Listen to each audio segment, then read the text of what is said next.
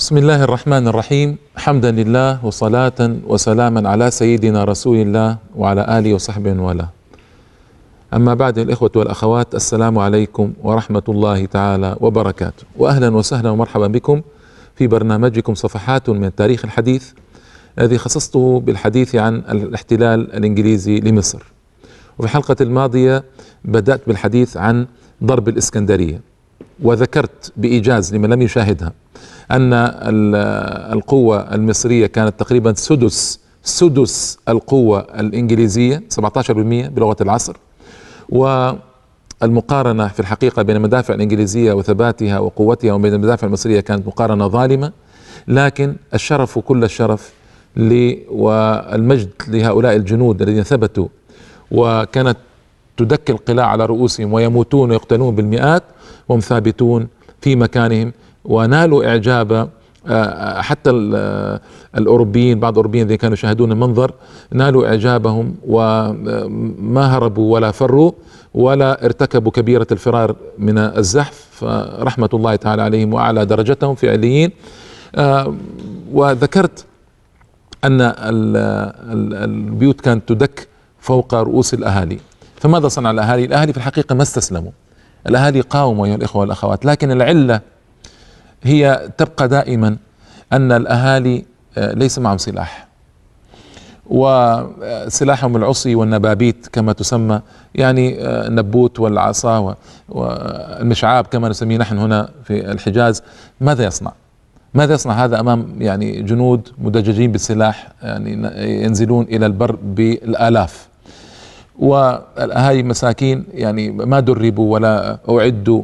وهذه يعني حروب المدن في كل زمان ومكان حروب طويلة الأمد لانها حروب مثل حروب العصابات. ما تستطيع الدول احتلال المدينة إلا بعد مقاومة طويلة طويله جدا. لكن سويعات واحتلت الإسكندرية. والسبب؟ أن الأهالي مساكين لم يكونوا مهيئين لم يكونوا مستعدين ما طلب أحد منهم أصلا المشاركة. يعني يعني إحدى المشكلات في الحقيقة التي ستأتي في تقويم الثورة العرابية أن العرابيين لم يعدوا الناس لمثل هذا الموقف. للاسف الشديد وأنا أقول هذا وأنا أحترم عرابي وأحب جهاده في سبيل الله تعالى ثم في سبيل استخلاص الحريات ومقاومة الخديو ونفاقه وخداعه وتعاونه مع الغربيين. يعني أحب منه هذا لكن إعرابي ما للأسف الشديد يعني ما هيأ الناس التهيئة المطلوبة؟ ما بث فيهم روح المقاومة والإقدام وأن العدو قد يهبط عليك في أي وقت وسلح الشعب وأعطاه سلاحا ولو من باب وجه سري ولو على الأقل رؤوس الشعب وفتوات الشعب كما يسمون وكذا هذا كله ما حصل. فالعلة نفسها نأتي ونواجه يعني كما جاء نابليون قبل 83 سنة من حملة هذه ووجد الفلاحون مساكين. يعني نابليون نزل من الإسكندرية إلى النيل آه ثم إلى القاهرة. كانوا في النيل وكانوا بجوار النيل الجنود. وجد الفلاحون مساكين أنفسهم أمام ثلاثين ألف جندي تقريبا فرنسي مدجج بالسلاح وهم مساكين لا يملكون أنفسهم حولا ولا طولا. خرجوا لهم بالعصي ويعني آخر مرة الفلاح المصري رأى جنديا اوروبيا كانت أيام حملة لويس التاسع في المنصورة يوم أسر في المنصورة قبل ستة قرون تقريبا من الحملة الفرنسية على مصر. فما ما كانوا مهيئين ومستعدين. فجريمة ترتكب في حق الشعوب أن لا تهيأ للمعارك القادمة ولا تعد ولا تسلح الشعوب للمقاومة. تصور لو كان شعب في اسكندرية مسلحا هل يستطيع 5700 آه، بحار إنجليزي يأخذون الإسكندرية؟ مستحيل. مستحيل. في سويعات أخذوها. والسبب هم الشعب غير مسلح غير مهيأ غير معد لمثل هذه المعارك. وهذه جريمة يرتكبها أولو الأمر في كل وقت وفي كل حين. للأسف مع الحملات هذه يعني الإنسان يعني ما يعني يقرأ وتصيبه الدهشة وتستولي عليه مظاهر العجب كيف لم يسلح الشعب. المهم آه الأهالي قاوموا ودافعوا لكن كما قلت لكم الأمر فوق طاقتهم على أنه كان هناك تضحيات وإقدام وإقبال على الجهاد لهؤلاء لكن أيضا عرابي للأسف الشديد يعني عرابي قرر أن ينسحب إلى كفر الدوار كفر الدوار مكان قريب من الاسكندريه لماذا قرر الانسحاب؟ رأى أن دخول الإنجليز إلى الاسكندريه أمر لا امرا أمر لا مفر منه فقرر الانسحاب بكفر الدوار.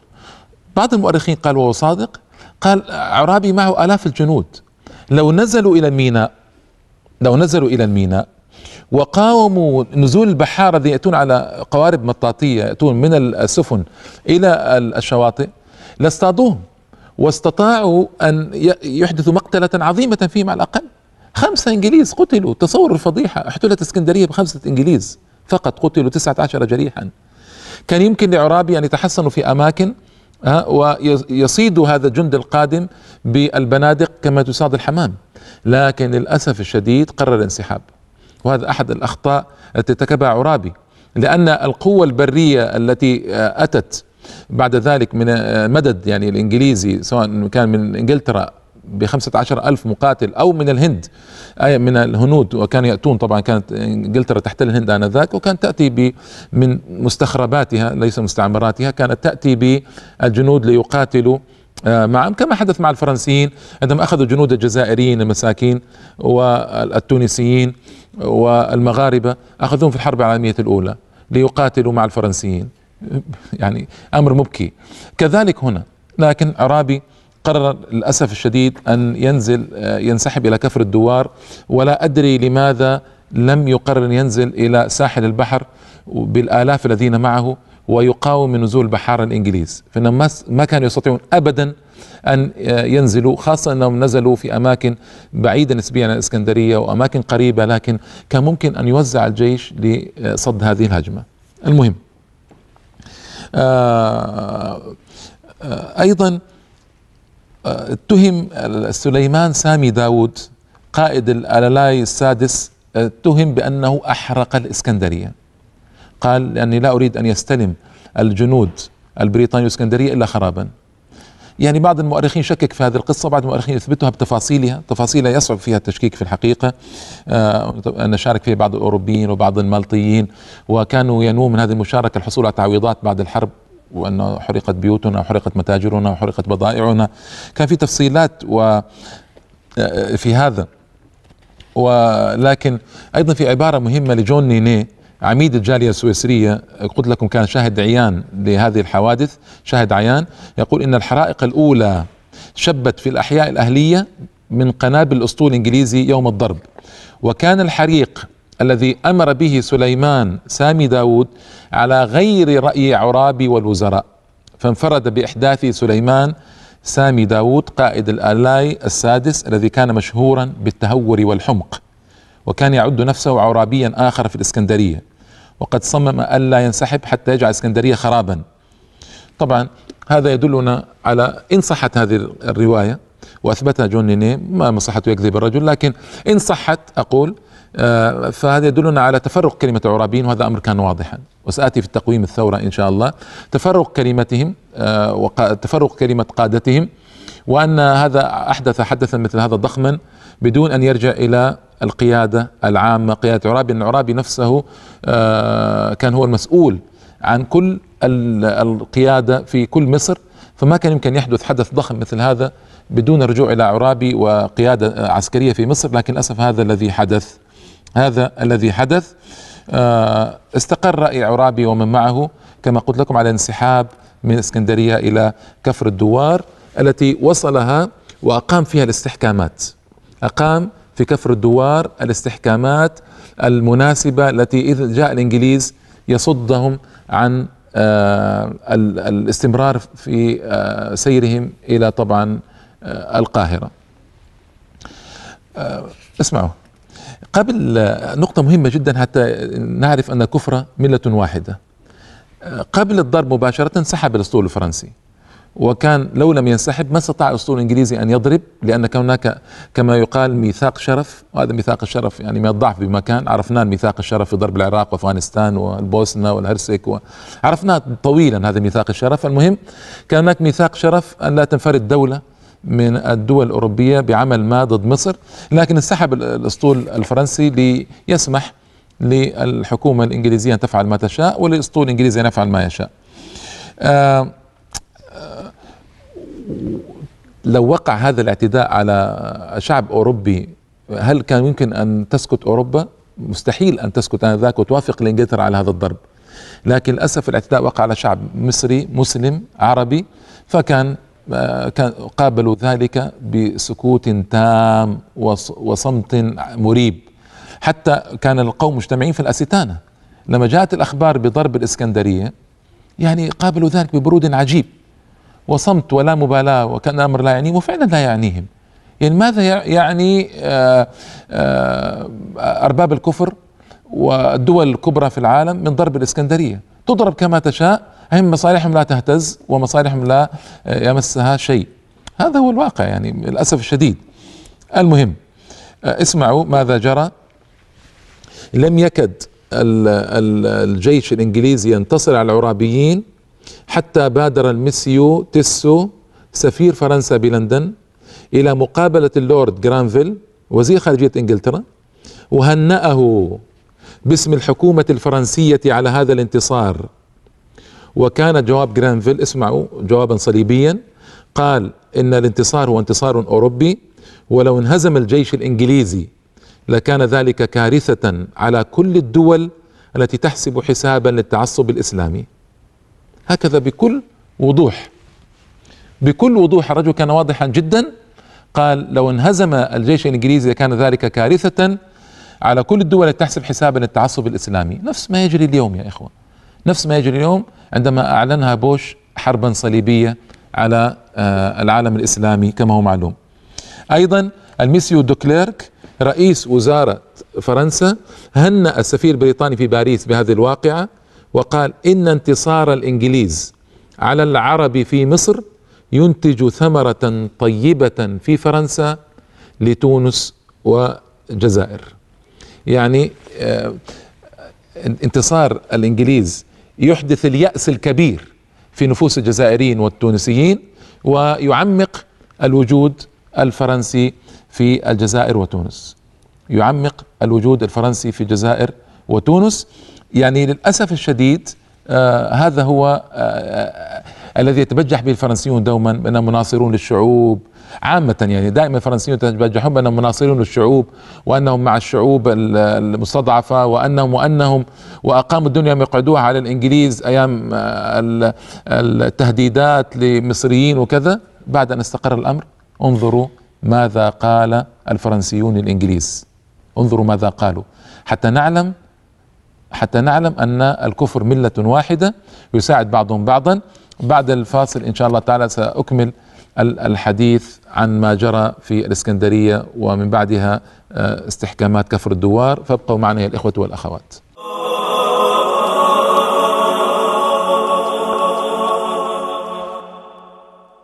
السلام عليكم مرة أخرى بعد الفاصل الإخوة والأخوات.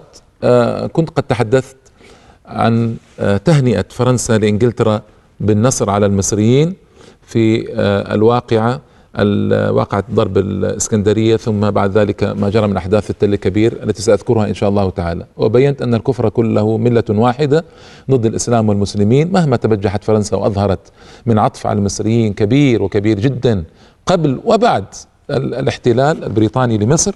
وكل هذا فقاعات آه، ما ما إن تظهر في الهواء إلا وتتلاشى لا قيمة لها لأن القوم صليبيون ويندفعون من صليبيتهم ومن رغبتهم الجامحة في السيطرة واحتلال الشعوب ومقدرات الشعوب وثروات الشعوب. بقيت جثث الجنود المصريين في القلاع اياما للأسف الشديد حتى تعفنت ما جرؤ أحد من الاهالي أن يسحب هذا أو ما كان هناك استعدادات سمي ما شئت ما أدري حتى للأسف آه، دارت عليها الكلاب وإنا لله وإنا إليه راجعون. آه، حتى أن كثير من جثث غير الجنود بقيت مطروحة اياما في الشوارع ما جرؤ أحد أن يسحبها حتى أيضا دارت عليها الكلاب أيضا ولا حول ولا قوة إلا بالله. أمر يعني محزن لكن آه، هنا بدأت يعني الخيانات تظهر بقوة من الخديو. الخديو توفيق أمر بعزل أحمد عرابي آه، من وزارة الحربية. الشعب ما أبه بهذا العزل لأنه كان يكره الخدي وراه عميلا للإنجليز والفرنسيين. انعقدت جمعية عمومية بعد ضرب الإسكندرية باثني عشر يوما انعقدت في القاهرة في نحو 500 عضو على هيئة مؤتمر وطني. فيه المشايخ وفيه بعض آه، الأقباط يعني رؤساء الأقباط ورؤساء اليهود. جاء حاخام اليهود أيضا وجاء أعيان البلاد وكبراء البلاد والأستاذ الإمام محمد عبده تولى عرض الموقف. إلى الآن ماذا جرى؟ واختتمه بذكر فتاوى العلماء الثلاثة آه، عليش والحلفاوي والإنبابي والعدوي يعني. عليش والحلفاوي والعدوي كانوا أئمة مصر آنذاك وكبارها وختم بالفتوى التي تقضي بأن الخديو هو عميل آه، لهذه القوى الغربية بالذات الإنجليز والفرنسيين وأنه يجب عزله وعدم قبول عزل العرابي وإيقاف العمل بأوامر الخديو. قرار ممتاز لكنه في ظني أنه متأخر ومتأخر جدا. يعني جميع الامم اجتمعت جميع جيدة إنها اجتمعت وأظهرت الرأي الصحيح لكن أين هي من قبل؟ ولماذا سكتت على الخديو؟ آه، منذ أن عين في 1879 آه، جاء الاحتلال في 1882 ثلاث سنوات. من 1296 إلى 1299 اتضحت عمالة الخديو وضعف وضعف الخديو اتضح أمام الإنجليز والفرنسيين. فلماذا سكتتم أيها العلماء؟ لماذا سكتتم يا أعيان مصر هذا الوقت الطويل؟ لكن أنا سبقا ذكرت أن قضية قضية آه، هيبة. كانت ربما من وضع الدولة العثمانية الذي قد يمثل النظام الشرعي على الأقل أمامهم معين من الدولة العثمانية. وإلا كان يفترض أن أن يتحرك تحرك الشعب ويعلن عزل الخديو من تلك الأيام. وما كانت الدولة العثمانية تستطيع أن تفعل شيئا لو لو أن الشعب اتفق على عزل الخديو ورغبته في ذلك. كما حدث أيام محمد علي عندما قرر الشعب تولية محمد علي وأعيان العلماء قاموا في هذا الأمر قومة رجل واحد. كما تذكرون آنذاك. في آه، الحادي وعشرين من يوليو سنة 1882 سنة 1299 هجرية صدر الأمر بتعيين الجنرال السير آه، جرانت ويلسلي قائدا عاما للحملة الإنجليزية في مصر. ولم يصل مصر إلا في منتصف أغسطس. يعني تصوروا هذا يدل كله على لا مبالاة وأن القوم متأكدون أن الأمر في أيديهم. يعني الحملة بدأت تضرب في 11 يوليو ولم يصل إلا في منتصف أغسطس يعني شهر وأربعة أيام. مما يدلك دلولا دلالة واضحة على أن الأمر مبيت بليل وأن القوم متهاونون جدا في شأن مصر وأنهم متأكدون من أنهم سيأخذونها لا محالة. وظل يتولى قيادة آه، الجيش سيمور وجنرال اسمه أليزون إلى أن جاء جنرال ويسلي. كان هناك آه، رئيس وزراء اسمه إسماعيل راغب باشا. تذكرون أني قلت أن إسماعيل راغب باشا عين في وقت حرج وحرج جدا. يوم آه، رفض شريف باشا أن يستلم الوزارة واستقال محمود سامي البارودي ولم يكن هناك وزارة في مصر.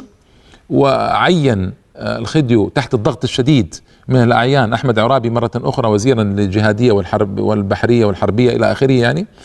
فما كان هناك رئيس وزراء لمصر فعين إسماعيل راغب باشا.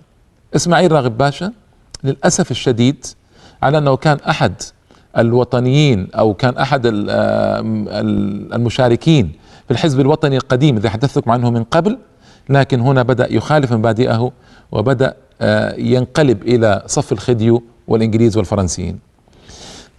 آه، الناس تغير مبادئها للأسف الشديد تحت ضغوط معينة لأنهم في الحقيقة لابد أن نقول هذا لم يتربوا تربية إسلامية صحيحة. لم يربوا على كتاب الله وسنة رسول الله صلى الله عليه وسلم. هذه كلها شخصيات كانت شخصيات بعيدة عن الإسلام في الجملة.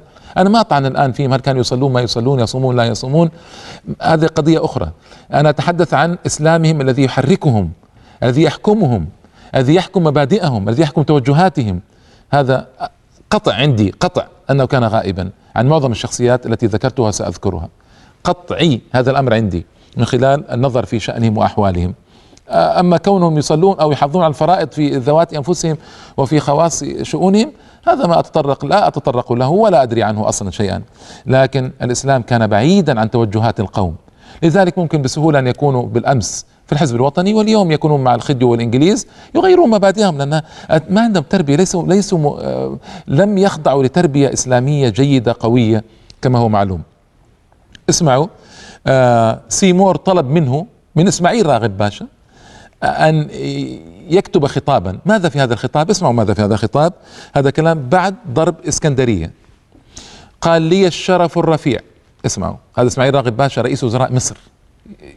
لي الشرف الرفيع أن أعلن لحضرتكم من حضرته؟ سيمور الإميرال الإنجليزي ضرب الإسكندرية الذي هو عدو لمصر والمصريين.